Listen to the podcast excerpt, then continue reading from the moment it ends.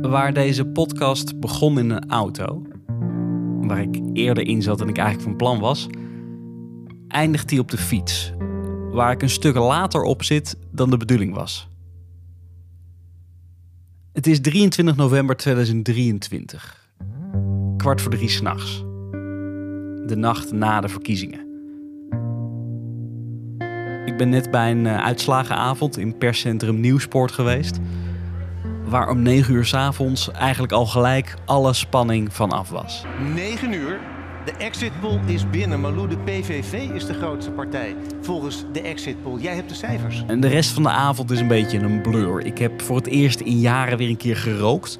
Ik heb een hoog oplopende discussie gehad met twee NSC'ers over het belang van de publieke omroep. Ik heb meer gedronken dan verstandig is voor iemand die de volgende dag gewoon een radioprogramma moet presenteren. En uiteindelijk word ik als ongeveer allerlaatste nieuwspoort uitgegooid. En ik fiets naar huis. En ik probeer te bedenken wat deze uitslag gaat betekenen voor het vertrouwen in de politiek. Want los van alle andere zorgen die je kunt hebben over een land waarin de PVV de grootste is geworden, voor het vertrouwen zijn er eigenlijk alleen maar nadelige scenario's te bedenken. Namelijk ofwel Wilders wordt premier en mag ongefilterd al zijn ideeën uitvoeren. Iets waardoor vele Nederlanders, moslims, activisten, kunstenaars, de LHBTI-gemeenschap er niet langer van op aankunnen dat de overheid er ook voor hen is. Ofwel, Wilders wordt premier, maar kan eigenlijk niks uitgevoerd krijgen, omdat andere partijen en instanties er steeds voor gaan liggen. Wat de onvrede onder zijn stemmers alleen maar groter zal maken en men nog steeds alle problemen toe kan schrijven aan het gevaar van de buitenlanders, de EU en zogenaamde linkse rechters. Ofwel, de andere partijen weten zonder de PVV een regering te vormen en zetten de grootste partij van het land buitenspel. En men kan nog zo vaak in talkshows zeggen dat het geen regel is dat de grootste partij van het land ook in de regering komt, maar meer een goed gebruik. Reken maar dat hardgrondig de pleuris uitbreekt als 2,5 miljoen kiezers zich genegeerd voelen door het politieke systeem. Hoe krijg je dit nog opgelost zonder het vertrouwen te beschadigen? Ik ga het in deze laatste aflevering van Motie van Vertrouwen onderzoeken. Als een tip vooraf. Hoop niet al te veel op het magische ei van Columbus, deze aflevering.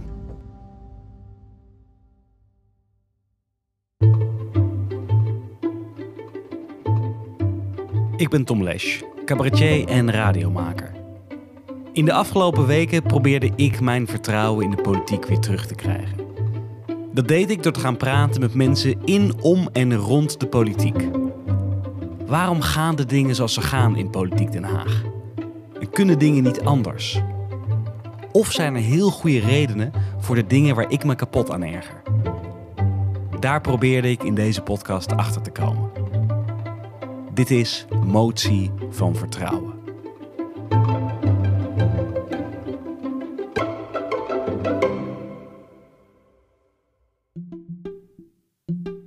De zorgen die mensen hebben, waar ze zich niet in gehoord voelen en die uiteindelijk deze verkiezingsuitslag tot gevolg hebben gehad, die zijn echt. Er zijn mensen die niet rond kunnen komen, jongeren die eindeloos thuis blijven wonen omdat er geen woonruimte te vinden is, mensen die na een scheiding in een caravan belanden, mensen die zich onveilig voelen in hun eigen wijk. Dat maakt het, ondanks alle heftige uitspraken die ze vaak deden en doen, toch ingewikkeld oppositie te voeren tegen de PVV. Want je wil ook niet dat die mensen het gevoel hebben dat je hun zorgen ontkent. Wanneer je hard ingaat tegen de plannen van de partij waar zij hun hoop op gevestigd hebben. Als de PVV inderdaad gaat regeren, en dat moeten we natuurlijk nog allemaal maar zien, dan maakt dat GroenLinks PvdA tot de grootste fractie in de oppositie. Hoe willen zij omgaan met die groep kiezers en de partij waarop ze gestemd hebben? En hoe herover je eigenlijk het vertrouwen van mensen die afgehaakt zijn? Dat vroeg ik aan GroenLinks PvdA Tweede Kamerlid Lisa Westerveld. Wat ik heel erg merk, want ik probeer zelf zoveel mogelijk het land uh, in te gaan. Ik woon zelf nog in Nijmegen, dat helpt. Eh, maar ik probeer ook mezelf. ehm, het, debat hier is echt heel belangrijk. Maar ik probeer wel om zoveel mogelijk daaromheen eh, te zorgen dat we weten hoe beleid nou in de praktijk uitwerkt. Dus ik was bijvoorbeeld afgelopen maandag liep ik mee op een high intensive care voor mensen die een ernstige acute psychiatrische stoornis hebben, die er vaak tegen hun zin ook zitten. En dan zie je hoe ontzettend hard die verpleegkundigen werken. En die voelen zich natuurlijk ook door, deels door de politiek in de steek gelaten. Want zij willen daar zijn voor de mensen die het meest kwetsbaar zijn in de samenleving. En ze merken dat ze nul tijd hebben voor de individuele patiënt. Omdat ze vanuit Den Haag eigenlijk te weinig geld krijgen om eh, genoeg personeel aan te, aan te nemen. Ja. En de enige manier om dan toch het vertrouwen te winnen is, is te laten zien dat je wel aandacht voor hen hebt. Dat je er wel voor hen bent. En dat je dus wel bij hen langskomt. Maar goed, ik kan dan. Ja, ik, ik kon dan toevallig nu een, een dag met hem meelopen. Die tijd heb je bijna nooit in drukke kamerweken. Nee, nee je, kan, je kan niet iedere dag overal. En dan zijn er nog honderdduizend andere plekken waar je dan die dag niet bent geweest. Dat, Ja. dat is natuurlijk. Het, En, en daarom probeer ik dus heel vaak te laten merken dat politiek, eh, dat zijn we met elkaar. Dat zijn natuurlijk 150 Kamerleden, waarvan echt verreweg de meeste mensen zitten hier ook omdat je wat wil bereiken. En dan kan ik het wel of niet mee eens zijn, Mhm. maar de meeste mensen zitten hier wel omdat ze willen, willen strijden voor hun idealen. ja. Maar we hebben natuurlijk ook in onze gemeenteraden gewoon duizenden mensen zitten. Die ook ontzettend belangrijk werk doen. Die dat vaak naast hun baan of naast hun dagbesteding of naast hun, hun gezin of naast wat ze ook maar doen. eh, zijn zij elke avond ook weer druk in die gemeenteraad. En we hebben natuurlijk mensen in de provincie zitten. We hebben vrijwilligers die al hun tijd steken wekenlang in voor ons campagne voeren. Dat is ook allemaal politiek. Dus ik probeer dat wel altijd uit te stralen van kijk niet alleen maar over vertrouwen naar politiek Den Haag Mhm. en dat je teleurgesteld bent in een bepaald besluit dat ooit is genomen. Ja. Wat ik snap, hè? En, en wat ik echt heel goed snap. Ehm, maar kijk ook naar wat er in het hele land gebeurt. Hoe mensen met elkaar proberen om een steentje bij te dragen aan onze samenleving. Ja. ja, want het lastige is natuurlijk de, de, de, de reden waarom... eh, kijk, er zijn allerlei verschillende redenen waarom mensen hun vertrouwen zouden kunnen verliezen. Of, of, eh, maar misschien wel specifiek de mensen die nu inderdaad richting de PVV zijn, zijn eh, eh, afgedreven. Die, die hebben inderdaad op zich, die, die zorgen die zijn inderdaad heel, heel begrijpelijk. Van Ja. inderdaad of niet rond kunnen komen of eh, eh, al dat soort dingen. En dat, dat lijkt me een lastige spagaat om in te zitten. Zeker eh, met nu de nieuwe periode de Kamer in. Ja, hoe... hoe hoe bestrijd je nou de ideeën van de PVV zonder de zorgen van die mensen te bestrijden of niet serieus te nemen? Ja, ik wil bijna zeggen, wist ik het maar. Ja, Want dat is natuurlijk wel het, wel het moeilijke. Want mensen maken zich terecht zorgen over nou, hoe ze soms de maan te kunnen overleven. En dan is hun beeld vaak dat het. eh, ja, dan merk je dus gewoon dat zondebok politiek werkt. En dan probeer ik aan heel veel mensen uit te leggen. Dat heb ik ook de afgelopen debatten gedaan. Want ik heb natuurlijk Mhm. heel veel in debatten gezeten. waarbij het ook vaak ging over migratie. En dan is het beeld bij mensen, die komen naar mij toe, die zeggen: Nou, mijn eh, kind kan, eh, kan geen huis vinden. En die, eh, die, die, die vluchteling of die arbeidsmigrant, die kan dat wel.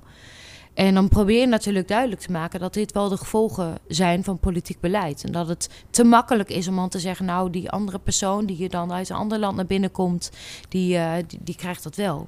En wat ik ook altijd wel probeer duidelijk te maken, en de verleiding is altijd groot natuurlijk om daar anders mee om te gaan, is dat wij er toch wel voor blijven staan dat mensen die vluchten uit oorlogsgebieden, die met hun gezin of zonder hun gezin deze kant op komen, dat ze ook in Nederland een veilige plek moeten hebben. En de reden dat wij dat in Nederland, dat sommige mensen hier veel, heel lang blijven, dat komt natuurlijk ook omdat we de afgelopen jaren bezuinigd hebben op het aantal mensen dat inderdaad bij het COA werkt, op het aantal mensen dat procedures kan afhandelen. Maar dit verhaal wat ik nou tegen jou vertel, is natuurlijk al een veel langer en genuanceerder verhaal dan, nou, het is de schuld van die vluchteling dat jouw kind geen huis kan krijgen. ja.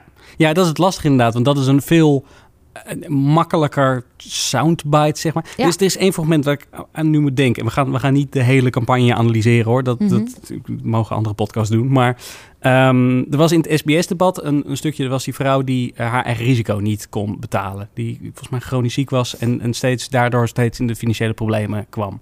En ehm daar was het, het- ja, die vroeg van, van wanneer gaan jullie dit voor mij oplossen? En toen was het antwoord van Frans Timmermans van ja, ik snap dat het ongelooflijk vervelend is, maar het moet echt stap voor stap. Ja. En aan de ene kant, inderdaad, iedereen die snapt hoe het werkt, die snapt dat hij gelijk heeft. Maar iedereen snapt ook dat dat natuurlijk een boodschap is waar, ja, waar zij op dit moment geen reet aan heeft. Ja. Dus hoe vind je daar nou een middenweg tussen? Ja, en dan is natuurlijk de spagaat waar je in zit. En ik ken die momenten ook uit debatten. Dan is het natuurlijk heel makkelijk om je publiek meteen naar de mond te praten. En te zeggen, Ja. nou natuurlijk mevrouw, dat gaan we voor u oplossen. Het probleem is alleen, daarmee maak creëer natuurlijk een teleurstelling. Daarmee zorg je dat mensen het vertrouwen verliezen in de politiek. Want dan krijg je het weer over verkiezingsbeloftes die dan gebroken worden. Dus ik ben heel blij dat Frans daar in die korte tijd die je had... probeerde om echt het genuanceerde verhaal te vertellen. Want de simpele waarheid is gewoon, we kunnen dat niet in één keer afschaffen. En de vraag is natuurlijk in, in tweede instantie of je dat in één keer allemaal moet willen. Want dan zet je een heel systeem op de kop, omdat het hier echt over miljarden gaat. Ja. En dan heb ik liever dat we zorgen dat we op een goede manier zorgen dat alle mensen de zorgkosten in de hand kunnen krijgen. Dan dat daar een belofte wordt gedaan.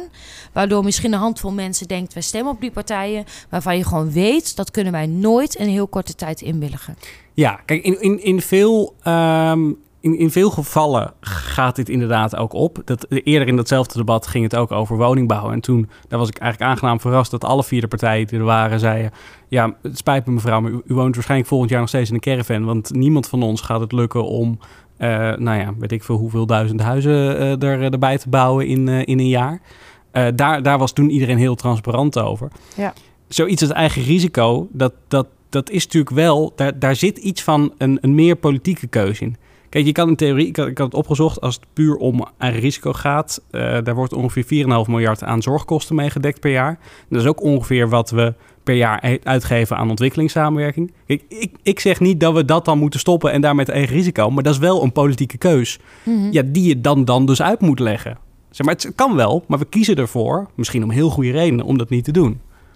Nou ja, wij willen uiteindelijk dat de eigen risico wordt afgebouwd. Ja. Alleen we zeggen dat kan Stap niet stap. in één, in één hap. Ja, maar Wilders zegt dan, het kan wel. Want eh, we, we- aangezien mensen hier niet eens kunnen rondkomen... dan hoeven we toch geen geld naar het buitenland te sturen. Ja, ik, ik weet dat, dat Wilders dat makkelijk zegt. Ja. Maar daarmee schendt hij natuurlijk ook allerlei internationale verdragen. En daarmee, en, en dan nog steeds, op het moment dat je in één hap het eigen risico afschaft, ga je enorme geldstromen van miljarden ga je verschuiven. En dat, ja, dat kunnen we allemaal wel net doen alsof dat even makkelijk gaat in één één. Maar we hebben het zorgstelsel met elkaar zo ingewikkeld gemaakt dat ik er echt nul vertrouwen in heb dat we dat in één hap even kunnen Ja. doen.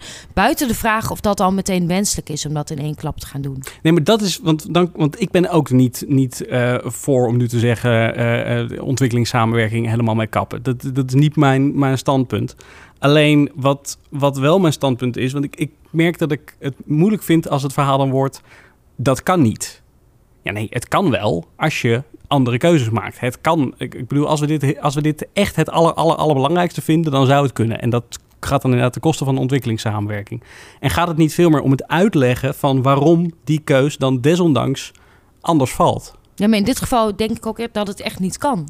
Want we hebben vanaf, eh, nou, dan heb je het over het eigen risico per nu afschaffen. Mhm. Dat betekent dus dat je voor januari 2024 een ongelooflijk ingewikkeld systeem helemaal op de kop moet zetten. Waar miljarden in omgaat. Ik denk ook oprecht dat het niet kan. Laten we nou En, even... en, maar ik ben het met je eens. Het algemeen wordt het kan niet veel te vaak als excuus gebruikt. Hè? Dus ik heb ook altijd vaak gemerkt dat dingen wordt gezegd. Nou, het kan allemaal niet enzovoort. En eh, daar moet je ook heel erg mee uitkijken. Dus ik snap het punt wel. Ik denk alleen dat dit voorbeeld ja. ook denk ik echt dat het echt niet kan. Met de verkiezingsuitslag is Nederland ook weer verder gepolariseerd. Want in principe vind je Wilders of geweldig of verschrikkelijk. Mensen die daartussenin zitten, die zijn er wel, maar niet veel. Dat maakt ook dat op de loer ligt dat de komende jaren we ieder debat nog alleen maar bezig zijn met akkefietjes waarin een PVV'er iets heftigs zegt en vervolgens de oppositie daar weer schande van gaat spreken en dan is de tijd alweer op. Of de PVV minder heftige uitspraken gaat doen in hun nieuwe rol, dat moeten we nog maar zien. Maar is het mogelijk om ook vanaf de andere kant de polarisatie iets te dempen? Ik hoop het. En ik denk ook heel erg. Ik denk ook echt dat het heel hard nodig is. Maar kan Ehm, het?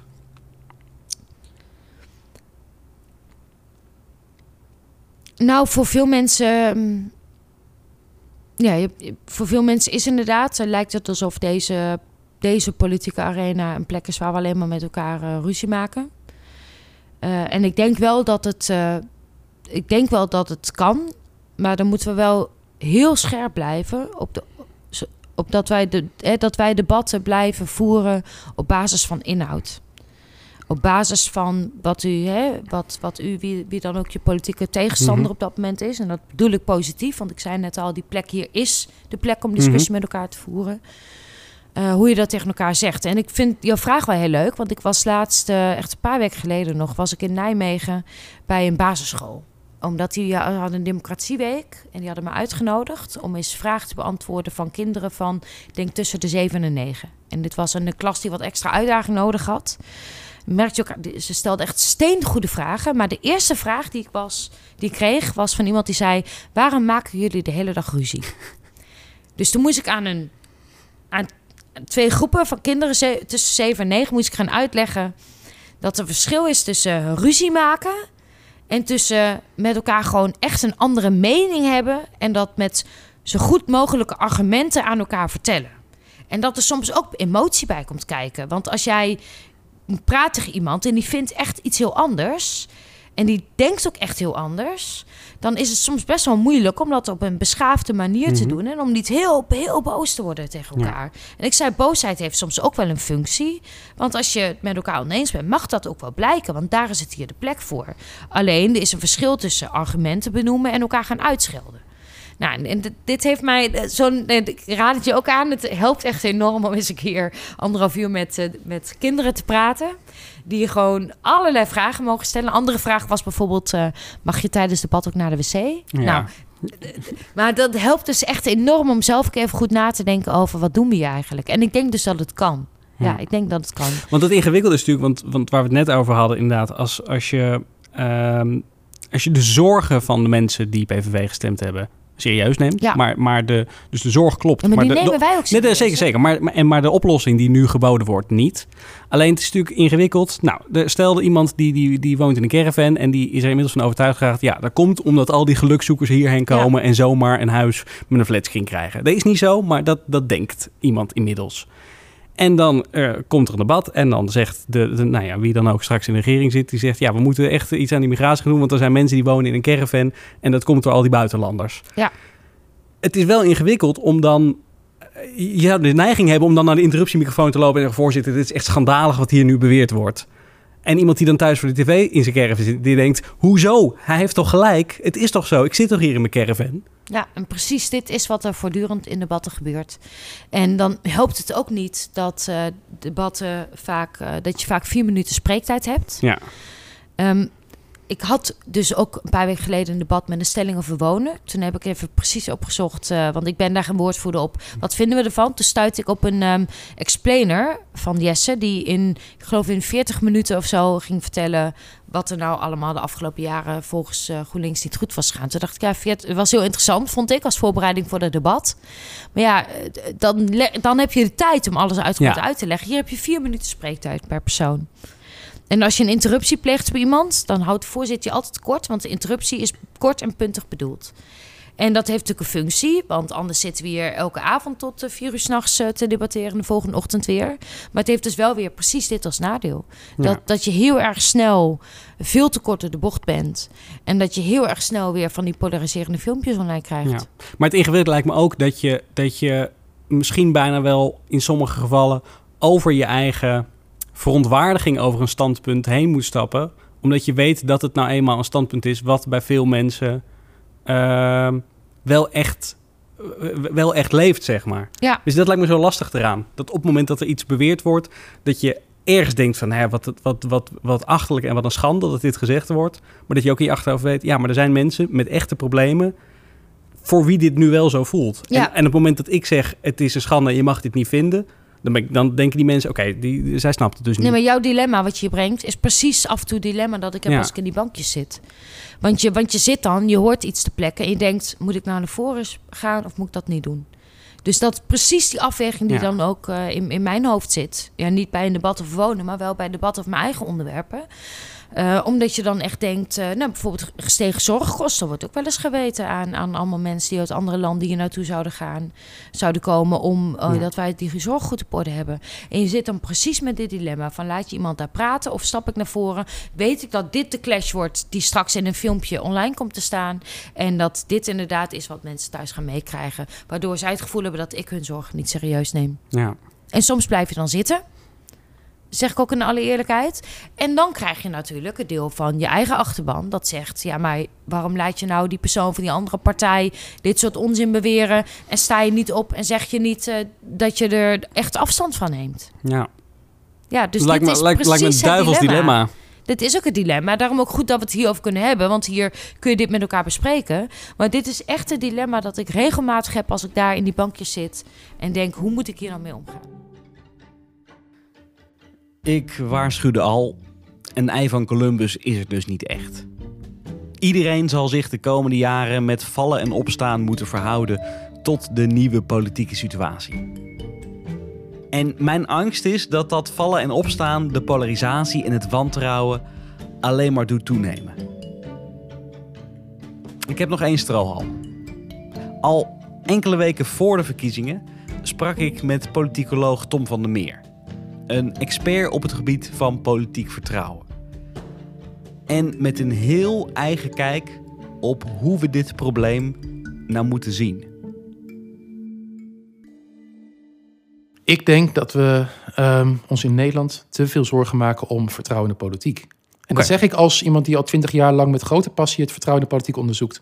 Uh, heel vaak wanneer we het hebben over een vertrouwenscrisis of probleem met vertrouwen, dan gaat het eigenlijk niet om dat vertrouwen. Dat is dan eigenlijk alleen maar uh, uh, de uiting van een dieper probleem, namelijk een betrouwbaarheidsprobleem. Mijn stelling is dat we de laatste jaren niet te maken hebben met een vertrouwenscrisis, maar met een betrouwbaarheidscrisis. En dat is waar de politiek in moet investeren. En wat is het verschil tussen die twee? Um, nou, de, de betrouwbaarheidscrisis legt de nadruk op het idee dat, dat het vertrouwen zelf de uitkomst is van hoe de politiek en hoe de democratie functioneren. En als de, um, de overheid niet voldoende onpartijdig is, als er tekortkomingen zijn in de vertegenwoordiging, dan daalt het vertrouwen. Dat is niet een probleem van het vertrouwen. Dat is geen vertrouwenscrisis. Nee, dat is een betrouwbaarheidscrisis. Ik kan het je nog sterker zeggen. Vertrouwen is niet altijd goed. En wantrouwen is niet altijd slecht. Kijk, het kan, als het, uh, uh, als het vertrouwen daalt omdat de politiek slechter is gaan functioneren, is dat een teken van een hele gezonde democratie. Je wil namelijk dat burgers reageren op het dysfunctioneren van de overheid. Je wil sceptische burgers. Sceptisch in de zin van burgers die echt reageren, die monitoren, die de vinger aan de pols houden en een oordeel daaraan aanpassen. Mm. En dat is wat we in Nederland continu zien. Wanneer het goed gaat, wanneer er goed wordt gefunctioneerd, gaat het vertrouwen omhoog. Het vertrouwen ligt systematisch in Nederland behoorlijk hoog. We zitten echt bij de subtop van de wereld. Min of meer na de Noordse landen. Een beetje op de hoogte van Zwitserland, Malta. Echt best wel een hoog vertrouwen. Toen ik laatst in Amerika uh, moest spreken over het vertrouwen in de politiek... werd ik daar echt aangekeken alsof ik gek was... toen ik zei dat het vertrouwen met 30% voor ons toen toch wel heel erg laag lag nu. Voor hun zou dat hoog zijn geweest. Ja. Dus de basis is, is in Nederland goed. Maar als het vertrouwen daarmee fluctueert, is dat geen slecht teken. Nee, dat is een teken van burgers die hun werk doen. Een probleem zou ontstaan wanneer de overheid goed blijft functioneren en toch het vertrouwen uh, kwijtraakt. Maar dat zien we niet. Nee. We hebben net een onderzoek gedaan, ik met, met, met collega Patrick van Erkel. Door de, in de afgelopen 25 jaar is er geen bewijs dat het vertrouwen achterblijft bij de betrouwbaarheid van die overheid zelf. Dat zien we wel in sommige landen. In Frankrijk zie je dat, in Spanje zie je dat in de laatste pak een beetje tien jaar, maar niet in Nederland. We weten wat het vertrouwen van mensen beïnvloedt. Um, en dat, dat heeft voor een deel te maken met wie ze zelf zijn en hoe ze worden geboren, hoe je opgroeit. Je hebt gewoon mensen die systematisch meer vertrouwen hebben in wat dan ook. En mensen die er minder vertrouwen in hebben. Maar als je het echt hebt over vertrouwen in de politiek, dan speelt die politiek er echt een rol in. Dat, dat vertrouwen is een soort van relatie tussen degene die vertrouwen heeft en degene die wel of niet vertrouwd wordt. Mm -hmm. Dat kan je heel makkelijk verplaatsen naar de politiek. Dat vertrouwen vindt dan plaats in een, in een omgeving van onzekerheid. We hebben het eigenlijk pas alleen maar over vertrouwen als er onzekerheid is. Als je zeker bent van een uitkomst, als er geen kwetsbaarheid is, dan hebben we het nooit over vertrouwen. Dan, dan is het zeker. Ja. Dan kan je iets steunen. Maar zodra je zegt, ik vertrouw je, of ik vertrouw de overheid, zeg je tegelijkertijd, maar ik weet het niet zeker. wat er gaat gebeuren. En ze hebben macht over me, want dat vertrouwen kan gebroken worden en daar kan ik niks aan doen. Het is bijna als geloven, zeg maar. Nou, het, gaat, het, het, het is geen geloven, want geloven is gebaseerd uiteindelijk op zichzelf. Een Mhm. geloof is gebaseerd op het geloof zelf. Ja. Dat is Ja, precies. Ik geloof dat in de Bijbel staat dat, dat dit waar is. Dus is het waar, want dat staat in de Bijbel. Exact. Terwijl het, het, het vertrouwen in de politiek, dat heeft wel een aantal externe redenen. Grofweg, nu heb ik het eerst over vertrouwen in het algemeen. Kan je zeggen, vertrouwen bestaat uit grofweg vier aspecten. Als ik zeg dat ik jou vertrouw, kan ik daarmee zeggen dat ik eh, van mening ben dat jij competent bent Mhm. om dat vertrouwen te verdienen. Kan ik ermee bedoelen dat jij inherent om mij geeft, om mijn belangen geeft. Ehm, kan het als derde zijn dat ik denk dat zelfs als je niet inherent om mij geeft, dat ik kan afdwingen dat jij je op een goede manier voor mij gedraagt. Van, als jij mijn geheim verklapt, nou dan verklap ik jouw geheim. En daarom kan ik je vertrouwen. Het is een beetje een cynische manier van vertrouwen, maar ook dat is Ja, vertrouwen. maar het, het, het, het werkt. Het kan. Het werkt. Precies. En de vierde manier is betrouwbaarheid in de zin van voorspelbaarheid. Dat je weet, ik kon iemand in de afgelopen jaren vertrouwen, dus dat kan ook in de toekomst. En dat kan je eigenlijk bijna allemaal één op één plakken, ook op de politiek. Nou, als we kijken naar de politiek, zien we een aantal oorzaken van het vertrouwen, waar, hoe de, de politiek en het functioneren van de overheid ons vertrouwen beïnvloedt. Ehm, en dat kan je eigenlijk zien op drie lagen. Je hebt de, de, de, de meest structurele verklaring, de belangrijkste verklaringen, min of meer de kurk waar het vertrouwen op drijft. Dat zit hem allereerst in een onpartijdige overheid. Dus eh, uitvoeringsinstanties die onpartijdig zijn, die gewoon doen wat van hen gevraagd wordt, eh die niet op uit zijn om jouw pootje te lichten, die niet corrupt zijn, die profe- professioneel zijn. Dus dat is een heel belangrijke wortel van het vertrouwen. Dat, dat verklaart ook waarom in Nederland het vertrouwen systematisch normaal gesproken hoog ligt. Het verklaart ook waarom het vertrouwen tegenwoordig lager ligt. dan Ja, dat is een paar. geleden. Nee, het eh, toeslagenschandaal s- springt natuurlijk in het oog. Ja. Groningen. Groningen eh, gas als een typisch voorbeeld. Ehm, dus dat, dat is echt met afstand de belangrijkste verklaring. En een tweede kurk waar het vertrouwen op drijft, is dat mensen zich vertegenwoordigd weten. En dan vooral door evenredige vertegenwoordiging. Dus wat Nederland best wel bijzonder maakt, wereldwijd, maar net zo bijzonder maakt eigenlijk als een land als Denemarken of Zweden, is dat het een land is waar ook kleine groepen in de Tweede Kamer vertegenwoordigd zijn. mhm. Eh, dat zelfs wantrouwende burgers een stem hebben in het parlement. Dus zelfs die wantrouwende burgers die blijven bij de politiek betrokken raken. Want ook zij hebben vertegenwoordigers die, die uiten wat, wat, wat ja, hun belangen zijn, wat hun ideeën zijn, wat hun waarden zijn. Ehm, dus dat, dat zijn twee hele belangrijke. En is dat erg uniek dat, dat we dat in Nederland. Nou, het is niet vanzelfsprekend. Laat ik het anders zeggen. Dus eh, omdat wij zo evenredig zijn, zien we in Nederland dat wantrouwende burgers heel snel weer opnieuw bij die politiek betrokken raken. Ehm, zodra er op de pensioenen wordt ingegrepen, hebben we oudere partijen. Die oudere partijen komen in de Tweede Kamer, gaan meepraten. Dus de mensen die er boos over waren, die horen hun stem terug. Ehm, rond stikstof zagen we het ook. Eh, meteen komt de BBB op en wordt groot, groot en kan doorgroeien. Dus dat, dat is wel bijzonder. Vergelijk het met een land als, als Engeland, waar het vertrouwen systematisch wat lager ligt dan in Nederland. Eh, daar is dat niet zo vanzelfsprekend. In, in 2015 hadden ze daar verkiezingen. En daar haalde daar de United Kingdom Independence Party, van Nigel Farage, haalde Mhm. ongeveer 13% van de stemmen. Iets meer dan wat de PVV in Nederland een paar jaar daarvoor had gehaald. En dat zou omgerekend ongeveer 20 zetels zijn Ja. in het Nederlandse systeem. Maar in Engeland kregen ze geen 20 zetels, want door hun kiesstelsel kregen ze maar één zetel uit één district in een parlement van 650. En dus ze hadden 13% van de stemmen en ze kregen ja, minder dan twee tiende van de procent van de zetels. Dus Ja. wat, wat moet zo'n groep dan? Moet je dan zeggen, ja, dit systeem, daar heb ik wel vertrouwen in hoor.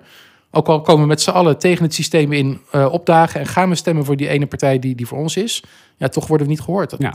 Maar ondanks dat dus de mensen die, die nou ja, wiens vertrouwen eh, in principe lager is, eh, wel vertegenwoordigd worden in die zin, geven mensen wel veel aan. Als je puur naar, naar, naar als er zo'n vertrouwenspol wordt gedaan door, door INO of zo, dan, dan komt dat altijd behoorlijk laag uit. En dan hebben we weer zo'n NOS-kop van we- nog slechts het 20% van de mensen heeft vertrouwen in de politiek of in de overheid. Eh, dus, dus met hun beleving van het, ja, van het vertrouwen eh, is het dan lager. Hoe, hoe kan dat dan? Nou, ehm, misschien is het handig om, om eerst nog even door te praten over die, die, die oorzaken waar je mee begon. Ehm, want we hebben het nu gehad eigenlijk over die hele structurele verklaringen. Eh, waarom het vertrouwen systematisch hoog of laag ligt. Maar dat, dat vertrouwen dat kan stijgen en dalen ehm, door de tijd heen. Mhm. En ook daar zijn verklaringen voor. Dat hangt heel sterk samen met hoe de economie het doet. Of er verkiezingen zijn eh, geweest. Verkiezingen zorgen er elke keer voor dat er een soort van feestje van de democratie is. Dat mensen door hebben, oh, er wordt naar ons geluisterd. Wij doen ertoe. Uh, het vertrouwen stijgt dan weer. Uh, mensen zien ook de politiek als competenter. En heel belangrijk, in, op verkiezingsdag kunnen wij ervoor zorgen dat de Tweede Kamer weer gaat lijken op wat wij vinden. Ja. En tussentijds dat het weer dichter bij elkaar een beetje af en dan komt het weer bij elkaar te liggen. Um, maar een belangrijke reden waarom door de tijd heen het vertrouwen kan dalen, zijn schandalen die echt het hart van de democratie raken. Dus bijvoorbeeld die kern van die onpartijdigheid waar we het net over hadden, die kan geraakt worden door schandalen. En dat hebben we hier dus gehad met het belastingsschandaal, uh, met het uh, schandaal rond Pieter Omtzigt, functie elders. Ja. Um, en daardoor kan het vertrouwen gewoon meerjarig dalen. Dat hebben we in Nederland niet zo vaak meegemaakt. Daar zitten we nu middenin. Mm -hmm. Dat hebben we in andere landen wel vaker gezien. In België in de jaren negentig was het vertrouwen bijna weg. Door de Dutroux-affaire, rond de zedenzaak, rond de Augusta-affaire, een corruptiezaak in het leger. Eind jaren 90 had nog maar 6% van de mensen daar vertrouwen in de politiek. We zagen het Hongarije vlak voordat Orbán de verkiezingen won. We zagen het in Engeland met een bonnetjesschandaal. In de Verenigde Staten na Watergate en, en, en de Vietnamoorlog en politieke moorden. Dat in Nederland hebben we dit niet zo meegemaakt, maar daar zitten we nu nog middenin. Ja. En dus het vertrouwen kan stijgen en dalen. Um, en daarnaast, nou, die door de tijd heen, die systematische verklaring door de tijd heen, dat kan je een beetje zien als uh, het getij, waarmee die kurk af en toe hoger en lager komt te liggen.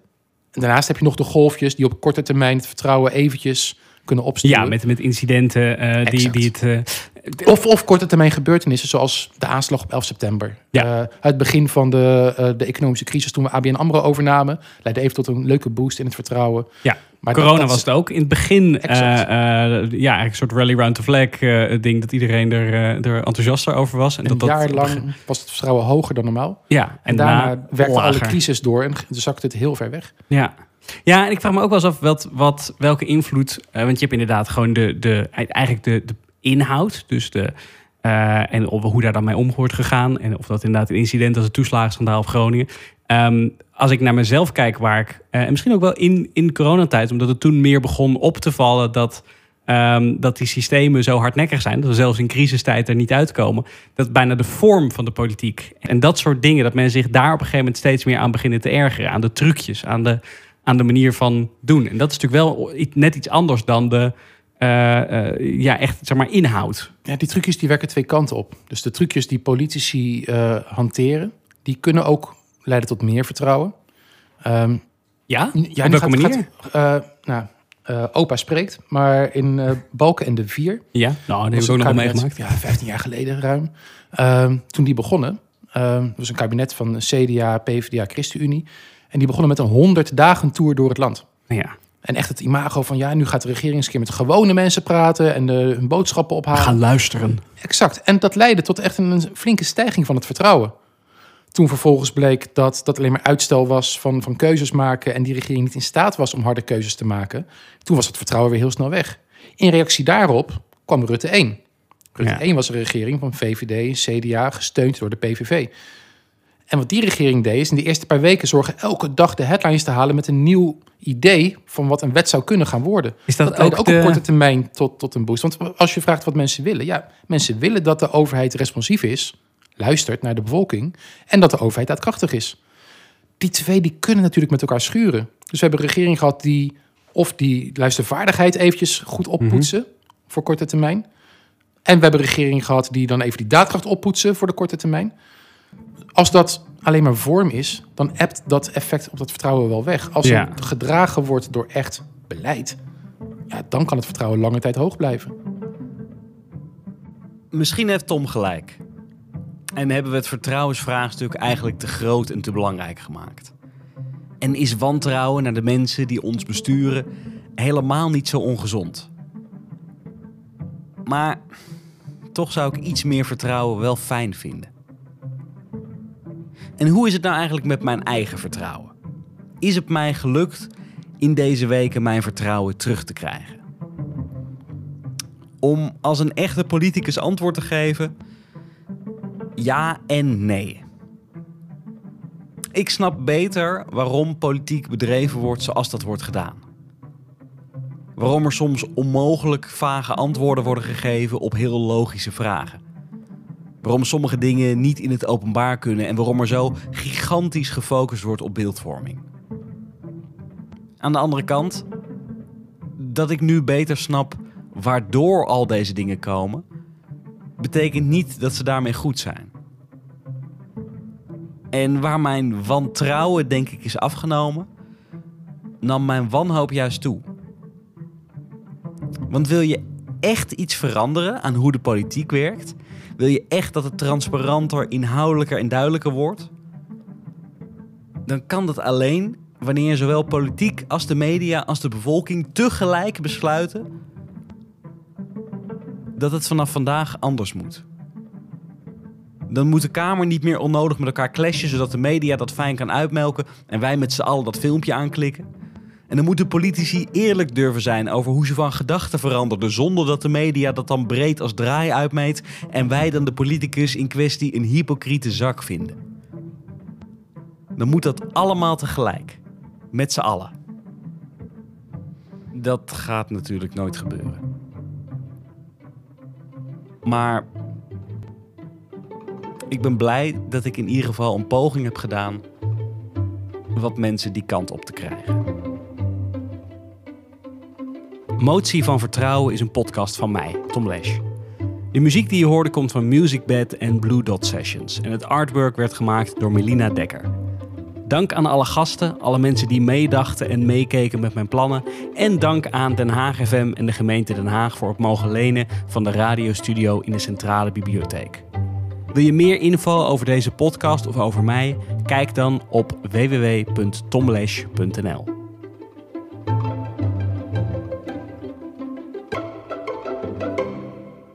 Hoi, hier Tom nog eventjes. Vond je dit nou een leuke podcast? Stuur hem dan vooral door naar iemand waarvan je denkt dat die dit ook een leuke podcast zou vinden. En als je nog niet geabonneerd bent, zorg ervoor dat je dat doet. Want eh, ik speel met het idee misschien wel een tweede serie te maken. Dat merk je dan gauw genoeg.